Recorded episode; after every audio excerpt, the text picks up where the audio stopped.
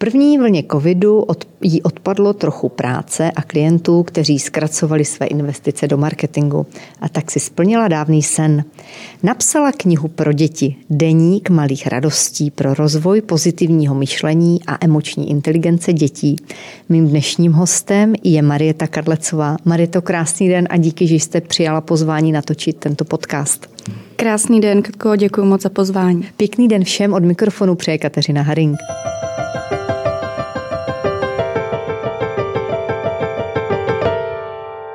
Marie, to co vás v životě inspiruje? Protože ten váš záběr je docela široký, tak eh, co je tou momentální třeba inspirací pro to, abyste začala něco dělat?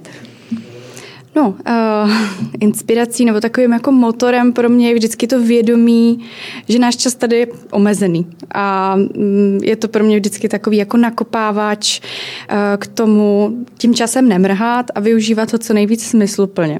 Takže jo, teď jako vidím, že je příležitost, šance, jdu do toho? Snažím se. Samozřejmě vždycky to není ideální a člověk občas jako sklouzne někdy k nějakému jako lenošení a tak, ale snažím se využívat co nejvíc příležitostí, co to jde. Co vás jakoby vnitřně motivuje? Ten hnací motor je právě ten čas, kterého, jak vy říkáte, je málo, anebo je to to, jakože jo, to bude fajn, až to bude hotovo? Co tam vidíte? Mm, ten čas, čas určitě hraje velkou roli. Obecně mě hrozně motivuje mm, nějaká osobní spokojenost, chci si plnit svoje sny, chci si dělat radost, eh, chci žít prostě spokojeným, hezkým životem a eh, tak se snažím prostě si vždycky říkat, jako, jak to udělat lepší. Eh, co vám naopak třeba bere síly? Síly, no, v poslední době se přiznám, že mi hodně bere síly taková jako obecná přeinformovanost. Že mi přijde, že na nás hmm. útočí prostě ze všech stran strašně moc informací, což je možná na jednu stranu fajn, uh, kolik toho máme k dispozici, ale opravdu někdy se dostávám i do takového jako stavu přeinformovanosti, že se chci prostě zavřít někde a nekoukat na zprávy, uh, nečíst si je, nekomunikovat někdy, takže to je... To jsem se chtěla zeptat, co s tím vlastně děláte? Mm. No, eh, někdy mám opravdu takový jako stav, že si zakazuju číst uh, zpravodajské weby. Věřím, že prostě to podstatné se ke mně nějak jako dostane vždycky uh-huh. a nějak z tu hlavu jako nezahlcovat, protože uh-huh. opravdu, jak eh, člověk hodně tráví času dneska online, tak těch informací, které může vlastně za ten den jako strávit, je omezené množství. A když si tu kapacitu vyčerpáte uh-huh. už z první půlce dne, tak je to prostě špatný. No. je něco, co byste chtěla změnit jako myšleno ve společnosti nebo celkově na světě? Kdybyste měla tu možnost, jako mm-hmm. že mhm. teď tady máš jedno přání a buďme všichni lidi šťastní například, mm-hmm. jako, tak co byste třeba... Vlastně něco podobného. no, uh, Obecně, obecně bych byla hrozně ráda za takovou jako šťastnější a ohleduplnější společnost. S tím vlastně i souvisí asi ten můj deník malých radostí. Pokud bych k tomu mohla prostřednictvím deníku uh, nějakým způsobem přispět, tak by, to, tak by to určitě bylo skvělé. Vnímáte, že se to změnilo v té covidové době? Určitě. Ta ohleduplnost teda. Mm, ohleduplnost. Nebo to, o čem mluvíte? Uh, že jsme... No, spíš si myslím, že tak covidová doba hodně odkryla právě ty slabiny té společnosti, že ta ohleduplnost jako často chybí. Mm-hmm. Uh, ty situace se samozřejmě za, za tu dobu té pandemie trošičku, trošičku vyostřily. Je to něco, s čím jsme předtím mm-hmm. nebyli zvyklí úplně pracovat a tak nějak se nám prostě odhalily slabiny společnosti a víme, v čem se musíme zlepšovat. Jsme na sebe hnusnější, škarečí? Říkám to nehezky. Mm, myslím si, že ty reakce jsou občas jako, jako extrémnější. Nevím, jestli hmm. jako globálně jsme na sebe hnusnější, to si myslím, že ne. Ale spíš eh, někdy jsou prostě ty reakce extrémnější, protože lidem dochází trpělivost, už mají některých věcí hmm. plné zuby a eh, mají tendence třeba reagovat trošku přehnaně. Tak můžou vypnout to rádio a ty, ty, to zpravodajství, jak vy říkáte, a zavřít se předtím. Někdy by to bylo určitě dobře, no, nesledovat to a dát si chvilku pohov. Jsme ale v podcastu Podnikatelka, tak se na to určitě musím zeptat. Kdybyste měla dát jednu jedinou radu do podnikání, jaká rada by to byla? Určitě nebát se chyb a nějakého selhání, protože ty chyby jsou přirozené, a díky nim se posouváme dál a spousta lidí třeba vnímá nějaký neúspěch jako zavřené dveře. Já si naopak myslím, že to jsou otevřené dveře, ale zase k něčemu úplně jinému a třeba i lepšímu. Stalo se vám něco takového, že třeba ta chyba nebo ten neúspěch byl v důsledku úspěchem? Já myslím, že se mi to stává docela často. Akorát já právě ten mindset už mám trošičku uh, změněný v tomhle, tom, že já prostě mi přijde jako normální ty chyby dělat a dovoluju si ty chyby dělat. Pokud samozřejmě není něco jako fatálního, že klientovi uh, děláte nějaký průšvih, jo, že mu třeba místo 20 tisíc za reklamu uh, utratíte prostě 200 tisíc, to je samozřejmě problém. Uh, ale, ale jinak si myslím, že ty chyby prostě k tomu patří a co se mi stalo, no. Často se mi třeba stalo to, že jsem přijala nějaký projekt trošku pod tlakem, že jsem už jako intuitivně cítila, že to nebude dobrý, že prostě to zavání mm-hmm. nějakým, nějakým průšvihem, že to prostě třeba bude hodně stres, stresově náročné. Ale prostě nějakým způsobem jsem se do toho nechala, nechala vtlačit. Prostě musíš nám pomoct, potřebujeme tě uh, a tak. A, no a potom, potom prostě samozřejmě se to vyplnilo, že jo, to, co jsem si myslela. Bylo to náročné, nedalo mi to hmm. prostě spát a ale zase musím říct, že potom, když jsem se na to dívala zpětně mm-hmm. uh, po nějaké době, Eh, tak zase mě to někam posunulo. Eh, třeba mi to otevřelo dveře jinám. Třeba ten projekt se jako úplně nepovedl, ale na druhou stranu já jsem třeba na tom odvedla eh, tu nejlepší možnou práci a zase mm-hmm. se mi třeba ti lidi, díky kterým jsem se, mm, se kterými jsem se poznala, tak se mi třeba potom ozvali s nějakým jiným projektem mm. někdy, někdy jindy a bylo to naopak úplně skvělé. No a jak na ten mindset, jak si to v té hlavě teda nastavit, aby to bylo fajn, aby jsme se nebrzdili a nevyčítali si ty chyby? Hmm, být k sobě laskavý, asi bych řekla, že je nejdůležitější. Uh, občas jsme na sebe hrozně přísní. A... No dobře, a když klientovi pošlu na reklamu místo 20 200, hmm. tak to bolí, ne? Hodně. To, to, to leze bolí, i do no. peněz, no. ne? To, já myslím, že z toho, z toho se pak člověk jako velmi rychle poučí, kdyby to musel doplatit. Co jste si řekla? Nezlobila jste se na sebe? Většina lidí by si řekla, nebo možná nás žen, jako ty jsi teda kráva. To jsem, to, jsem, to jsem teda neudělala, o tom jsem jenom slyšela eh, ve své praxi, že se to stalo. Ale taky jsem si Moc říkala, krát. no, tak jako to musel ten člověk být jako asi hodně unavený, nebo měl asi nějaké jako problémy zrovna osobní, že se mu to stalo, ale jo, tak tohle to je prostě fakt blbost, no. To si ten člověk asi vyčítá hodně dlouho, pokud no, to musí to, jako, když pak má to dávat ze svého, tak to bolí. Mm, Takže mm. co s tím? Jak, jak na takové ty chyby, aby si člověk nevyčítal? Jakože jich děláme asi každý den několik, si myslím. Ne? No, tak říct si, co si z toho, co si z toho vezmu pro, pro příště. Uh, samozřejmě není to jako snadné se s tím smířit, ale určitě uh, se z toho musím prostě hold vzít to, že třeba v tomto případě budu si něco kontrolovat ne dvakrát, ale čtyřikrát, budu prostě pečlivější a musím si na to dávat pozor obecně, jako nejenom v práci, mm. ale třeba i jako v osobním životě. Hezký. Jaké vlastnosti si myslíte, že se v podnikání hodí? Že jsou prostě fajn takový, jakože ani ne must have, mm. ale hodí se prostě. Mm, asi bych řekla, že cílevědomost, houževnatost, uh, píle určitě. Myslím si, že spousta lidí dneska uh, si stále myslí, že takovým jako receptem na úspěšné podnikání je mít nějaký skvělý nápad, uh, nějakou revoluční myšlenku nebo mít nějaké nadání. Ale tohle je fakt jenom třeba ta malinká část úspěchu. Pokud ten člověk neumí dotahovat věci do konce, uh, nepracuje, nepracuje soustředěně, tak to prostě třeba ani nemusí být úspěšné. Takže já si myslím, že právě tou pílí a uh, tou houževnatostí jde spousta věcí takhle dotáhnout. Jste workoholik? Jsem. Bohužel.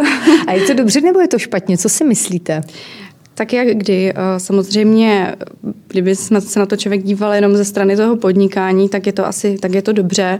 Eh, pak v té osobní rovině to samozřejmě představuje nějakou nevýhodu, ale eh, jako být workoholik, být workoholik to je dobrá, to je dobrá vlastnost. Jenom člověk prostě opravdu musí znát ty hranice, musí si je prostě nastavit dobře a, a No pro to okolí je to spíš těžké, já mám pocit, ne? Mm, určitě, určitě je to těžké za to to mě napadá teda otázka work-life balance, protože to mm-hmm. se dnes skloňuje téměř všude.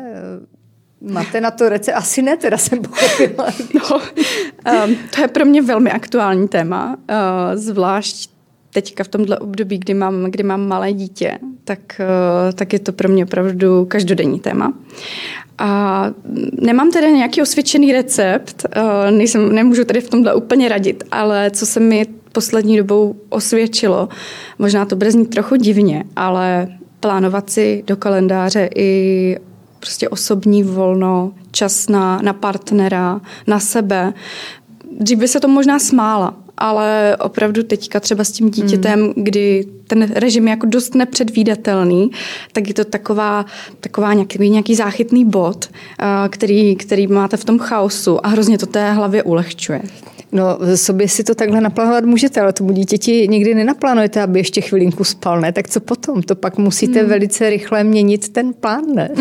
Mm-hmm. Vyžaduje, vyžaduje to obrovskou, obrovskou jako flexibilitu a pro takového člověka jako já, který je zvyklý si věci hodně plánovat, tak je to samozřejmě jako občas těžké, no. Uh, vždycky si říkám, no, já jsem si prostě, teď jsem si to tady hezky naplánovala, že si udělám tady tohleto a dítě se mezi tím krásně vyspinká a pak půjdeme na procházku, budeme všichni spokojení. No. Tak, takhle to jako v 90% časů u mě nefunguje. No.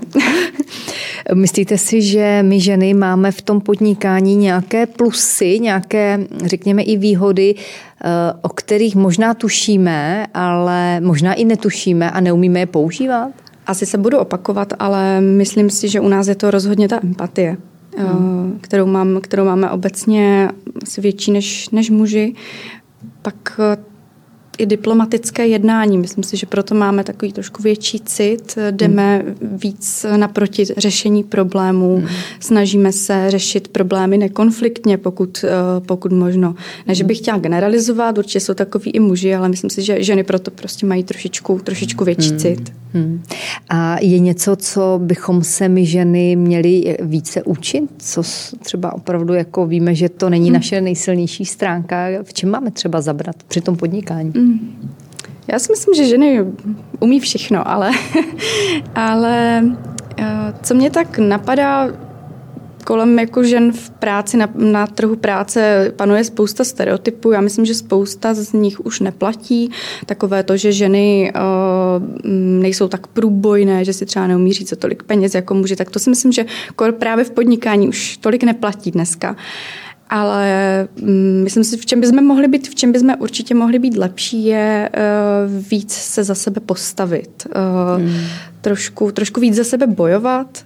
V obecné rovině i třeba v, jako v, konkrétní, v konkrétní věc, která mě napadá, je i právě bojovat proti těm stereotypům, které vůči nám i stále uh, společnost možná trochu má. Jak se s tím dá bojovat?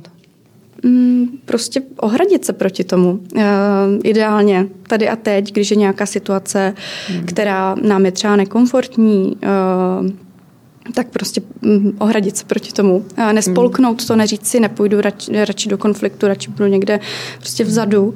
Určitě, určitě dát najevo nějakou svoji, svůj nesouhlas. Hmm. Pojďme na ten váš krásný počin, Deník malých radostí, který je určen dětem a který vznikl vlastně v době covidu, říkám to správně. Ehm, co vás vlastně inspirovalo pro to, abyste ho vytvořila? Uh, mě inspirovalo hlavně to, že um, takových pomůcek pro seberozvoj a motivaci bylo spoustu pro dospělé a mm, setkala jsem se já i sama jsem uh, si nějaké třeba zakoupila a uh, viděla jsem, že je to prostě pro spoustu lidí velké téma, uh, motivace, seberozvoj a říkala jsem si, když jsem, když jsem si třeba nějaké právě takové uh, knihy nebo, uh, nebo pomůcky zakoupila, tak jsem si říkala, no jo, ale uh, proč to řešíme až teď, kdy už jsme prostě dospělí a máme zažité vzorce chování, které mm-hmm. se strašně špatně mění. Uh, proč se tady tyhle věci neučíme už od mala? Eh, když tady tohle si myslím, že je schopný, schopný pochopit jako i, i malé dítě. Takže mm, tak nějak jsem si mm, říkala, proč eh, něco takového neexistuje pro děti. Pak jsem, se, pak jsem si vlastně dělala takovou rešerši, jestli teda něco takového neexistuje a já jsem jenom o tom neslyšela a zjistila jsem, že minimálně teda v českém prostředí ne. A tak jsem se, tak jsem se rozhodla, eh, že bych pro něco takového chtěla pro děti vytvořit, aby byly obecně spokojenější, šťastnější, vytvořili si nějaké pozitivní životní návyky a nemuseli už potom tolik bojovat v dospělosti. Jak dlouho jste to tvořila? Tvořila jsem to okolo půl roku. Bylo to Byla to intenzivní práce, jakože každý den jste na tom vyšívala, když to tak řeknu? Byla to, vel, byla to velmi intenzivní práce, kdy, kdybych neměla takový jako deadline v podobě, v, po, v podobě porodu, tak možná bych si to protáhla i na trochu delší dobu, ale opravdu jsem na tom pracovala velmi intenzivně a tak nějak jsem právě tu dobu covidovou vnímala jako, jako příležitost pracovat třeba na něčem jiném, věnovat se něčemu, co mi dává smysl. Vy jste na tom počátku, když ta myšlenka přišla, měla úplně jasnou představu, jak to bude vypadat, jaká bude ta struktura? Zajímá mě, mm-hmm. jo, jako, ano, objeví se myšlenka a teď co, jdete krok po kroku, nebo jak to je u vás? Eh, měla jsem, měla jsem eh, nějakou jasnou představu, ale potom, když jsem se o tom bavila třeba právě s manželem, který eh, na tom také se mnou spolupracoval, tak se to samozřejmě trošičku, trošičku vyvíjelo. Ale myslím si, že v základu ta představa jako zůstala víceméně stejná, jenom uh, takové detaily jsme tam jako dolaďovali a vyšperkovávali hmm. potom. Vy jste zmínila, že jste eh, vlastně ten deník vytvořila eh, společně se svým manželem. Byla to vaše první spolupráce, kdy jste na něčem takovém dělali jakoby eh, spolu a zajímalo by mě, jak to probíhalo, protože někdy uh, jsou lidi, kteří řeknou, hele, jako já bych v životě nemohl dělat jako se svou manželkou nebo se svým manželem, prostě by to neklapalo. Zajímá mě, jak, jak to bylo u vás. Byla to naše první, první taková pracovní spolupráce a Samozřejmě člověk to tak zná z toho svého okolí, že všichni říkají, hlavně nepodnikej s nikým ze své rodiny. To je prostě největší, největší zlo. A to je ta rada do toho podnikání. To je, ta, to je taky ta jedna z, těch, jedna z těch rád a já se teda přiznám, že já stejně ty rady si, mm, jako vím o nich, ale stejně si to strašně potřebuji vyzkoušet sama vždycky a mít tu svoji vlastní zkušenost a udělat si na to ten svůj vlastní názor. Takže my jsme jako byli přesvědčeni s manželem, že budeme hrozně, hrozně dobří jako obchodní parťáci, protože když jsme se bavili uh, o našich biznisech, tak vždycky nám přišlo, že na to máme stejný pohled a že nám třeba vadí stejné věci a tak. Takže, uh, takže jsme do toho šli s tím, že to bude jako hrozně harmonické a, a samozřejmě jsme trošičku narazili. v čem vás překvapil třeba? Um, ono, ne, že by mě ani jako překvapil něčím konkrétním, ale spíš prostě jako skloubit to s tím osobním životem a hmm. nebo nepřenášet to naopak do toho osobního života. Ten biznis je prostě strašně těžké. Je a to, dá se to?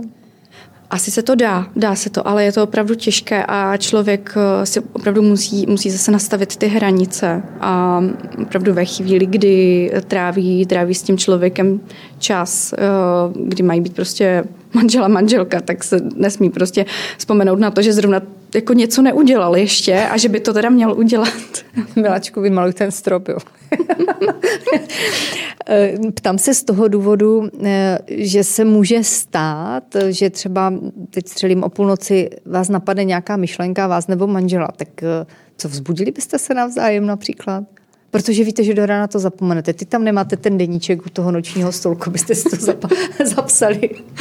Naštěstí, naštěstí ne. Teda my oba dva jako si ceníme spánku a oba dva spíme, spíme velmi dobře, takže tohle u nás jako nenastalo, mm. ale samozřejmě eh, občas mě něco napadlo a vyrušil jsem manžela během, během práce, eh, jeho teda hlavní práce, takže eh, jo, taky si to nedokážu nechat pro sebe. Občas jako, když něco napadne, tak mám potřebu se o to podělit. Takže po páté hodině už jste se o biznesu třeba nebavili? Po páté večerní? Mm-hmm. no, tak to bavili, no. To právě to jsou ty hranice, které jste... jsme si nenastavili. A takže nebyly nastaveny nakonec? Mm, úplně ne, úplně ne. My jsme si mysleli, že to tak nějak jako půjde mm. samo a nenastavili jsme si jako, že po tolikáté a tolikáté hodině už se nebaví, nebavíme o práci, no. No ale zase ty děti ten biznis pak sajou s mlateřským mlékem, ne? No, já doufám, že to tak bude. Eh, myslíte si, že pozitivní myšlení jako sval, že sílí, když se posiluje? Je to přesně tak, jak říkáte. Ono, spousta lidí si myslí, že pozitivní myšlení je něco, s čím se narodíme, že buď jsme jako optimista nebo pesimista, tak to prostě je. A spousta lidí se na to vymlouvá a říká, no víš, ale já jsem prostě takový jako já, prostě to vidím černě. Ale není to pravda. Eh, eh, pozitivní myšlení to je prostě dovednost, kterou se každý může naučit. Někdo to má trošku víc v sobě, díky třeba právě prostředí, ze kterého pochází, ale nikdy není pozdě. samozřejmě, když se to učíme jako děti, a proto existuje deník malých radostí, tak to jde s nás. A v dospělosti právě přepisujeme ty nějaké vzorce chování, ale nikdy není pozdě a vždycky to jde naučit nějakým tréninkem, když to je, když to je trénink intenzivní a opravdu několika denní a tak, tak to jde. Hmm. Já jsem si přečetla recenzi jedné z dam, eh, která píše, že naučit dítě nahlížet laskavým pohledem na svět i svět kolem může být klíčem pro jeho harmoničtější duševní vývoj. A deník pomáhá dítěti posilovat ve svém životě opravdu důležité lidské hodnoty, jako je sounáležitost s blízkými, vděk, víru v lidskost, pokoru, laskavost k sobě i k jiným a mnoho dalších. To jsou moc hezká slova. Jakými třeba praktickými, eh, řekněme, úkoly ten deníček eh, to dítě provází? Tak ten deníček, on má takovou poměrně pevnou strukturu. Eh, každý den vlastně dítě vyplňuje stránku, která je mm, velmi taková přehledná, jednoduchá. Je to aktivita zhruba tak na pět minut denně a vlastně skládá se, skládá se ze tří částí. Ta první část je nějaká sebe eh, reflexe toho dne, kdy se to dítě eh, vyplní, jak se ten den cítilo, eh, pak si samo nebo třeba právě s rodičem může zodpovědět, proč tomu tak bylo. Druhá část má právě posilovat v tom dítěti tu pozitivitu a vděčnost. Takže ptáme se na takové ty pozitivní aspekty toho dne, za co si ten den vděčný, co se ti stalo hezkého, jaký byl nejhezčí okamžik tvého dne takové různé otázky právě na, tohle, na toto zaměřené. A ta třetí část, eh, tak tam se snažíme dětem pomoct právě třeba eh, se sociálními dovednostmi, třeba taky i s relaxací. Máme, máme tam i na několika stránkách se ten deníček věnuje i úplně jednoduchým relaxačním technikám, které zvládnou právě i ty nejmenší děti. A je to pro ně, řekla bych, takový pak pěkný základ i pro jednou dospělost a pracovní život. Jak můžou děti relaxovat? S mobilem v ruce, ne? Pardon. No, právě, právě tím, že, tím, že je to knížka, tak, eh, tak se snažíme, aby, aby právě ten mobil třeba odložili nebo tablety, ale jednoduše dýchat, správně dýchat, uh, představovat si, představovat si hezké věci, mm-hmm. dostat se uh, do stavu, kdy se soustředí opravdu jenom na sebe a ne na okolí. Jsou to fakt velmi jednoduché věci a myslím si, že to těm, těm dětem velmi pomůže. Když vás tak poslouchám, nestálo by za to vytvořit něco podobného i pro dospěláky? Nebo toho je dost? Ptá se mě na to, ptá se mě na to dost lidí, nebo dost těch rodičů, kteří, kteří deník svým dětem koupí ale jak jsem právě říkala na začátku, já mám pocit, že ten trh eh, tady eh, s těmihle pomůckami pro dospělé, že už jako je poměrně nasycený, že eh, takových jako různých, různých diářů, motivačních deníků existuje, existuje docela dost. Nevím, jestli vypadají úplně stejně jako deník malých radostí, jenom jako jsou trošku, pracují s dospělejšími mm. otázkami a tématy, ale Úplně, úplně asi s dospěláky nemáme, nemáme v plánu pracovat, spíše se chceme věnovat a zůstat, těm dětem zůstat u toho. Já už jsem na začátku zmínila, že v první vlně lockdownu se vám snížil počet vlastně zakázek, ať už z důvodu, že klienti přiškrtili ty výdaje na marketing nebo nevěděli vlastně, co bude. Jaká je ta situace dnes? Já bych řekla, že dnes je to zase zpátky, zpátky v normálu. Naopak bych řekla, že spousta, spousta lidí v biznesu si opravdu začala uvědomovat tu eh, důležitou roli online marketingu Ehm, na začátku opravdu v tom prvním lockdownu spousta lidí na to nebylo připraveno. Ehm, byli třeba na sociálních sítích, dávali o sobě vědět online, ale neměli e-shop a teďka opravdu si uvědomují, jak je to hrozně důležité a jak může nastat prostě jakákoliv hm, nějaká další instance, nejenom jako covid, která jim ten biznis trošku naruší a jak na to prostě musí být připraveni. Takže mm. řekla bych, že naopak dnes e, ten online eh, je ještě důležitější.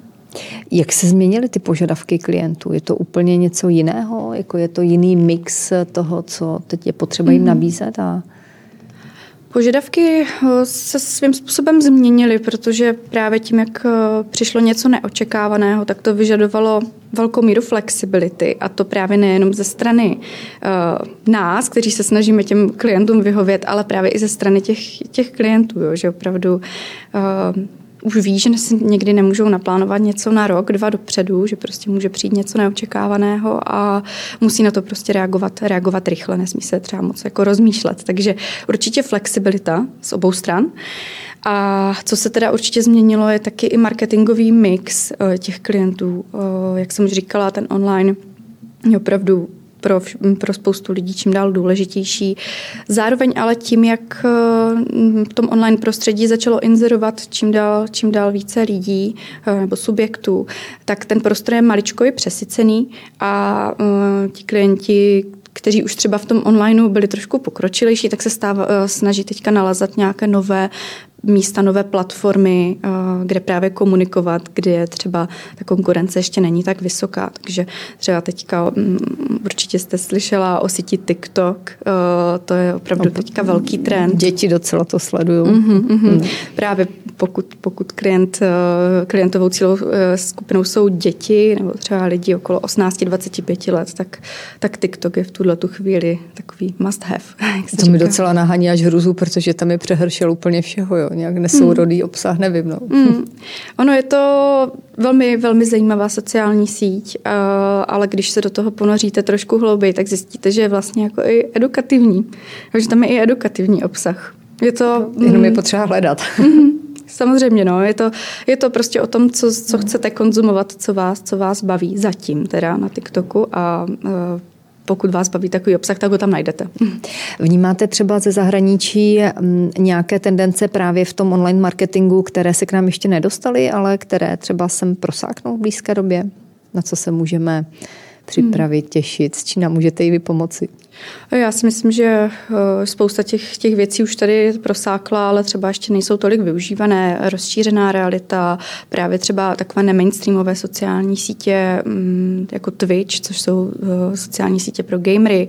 Eh, opravdu dneska jako ten online je tak, tak široký, nebo opravdu najdete tam úplně všechno, že ty možnosti marketingu jsou opravdu obrovské.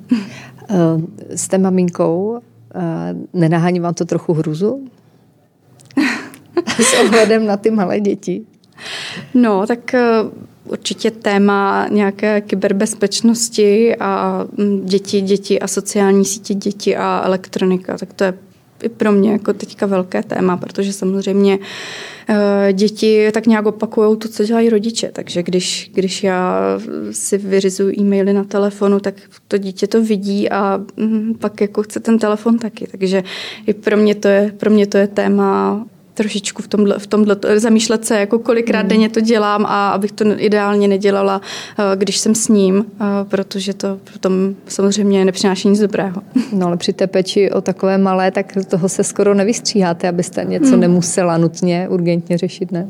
Jo, je to, je to spíš o těch extrémech, že jako mm, vím ze svého okolí, že nějaké maminky opravdu jsou na tom telefonu jako nonstop a uh, svým způsobem to třeba chápu, že mají potřebu hodně komunikovat o tom, co prožívají a tak, ale um, opravdu ve chvíli, kdy, to, kdy ten telefon nedají z ruky, tak to dítě to vidí a um, nejenom, že ho chce taky, ale taky to může vnímat třeba tak, že uh, ten rodič mu nevěnuje tu pozornost a budou si ji potom i v budoucnu více vynucovat. Uh pamatuje deníček i na tohle, na, na mobil a dítě? Je, je tam nějaká takováhle edukativní část?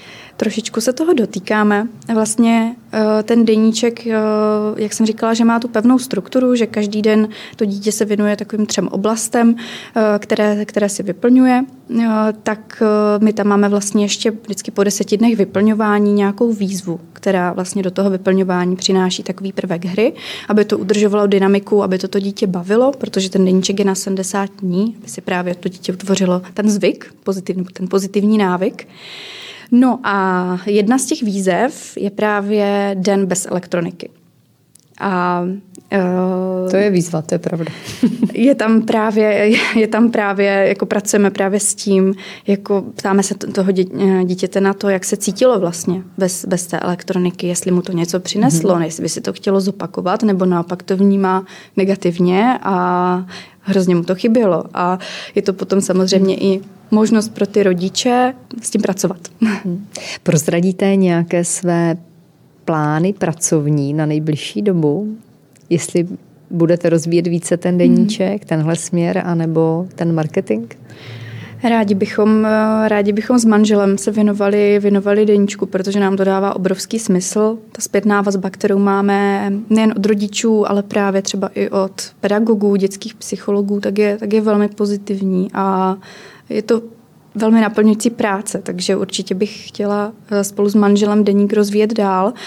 A v tuhle tu chvíli eh, pro nás asi bude velké téma pro tento rok hledání investora, eh, protože rádi bychom to posunuli ještě trošku dál a možná, možná právě vyvinu, vyvinuli i nějaký způsob, jak to vyplňovat třeba online, ale samozřejmě v, v rámci, v rámci nějakého rozumného času, které ty děti stejně na těch, eh, na těch zařízeních tráví.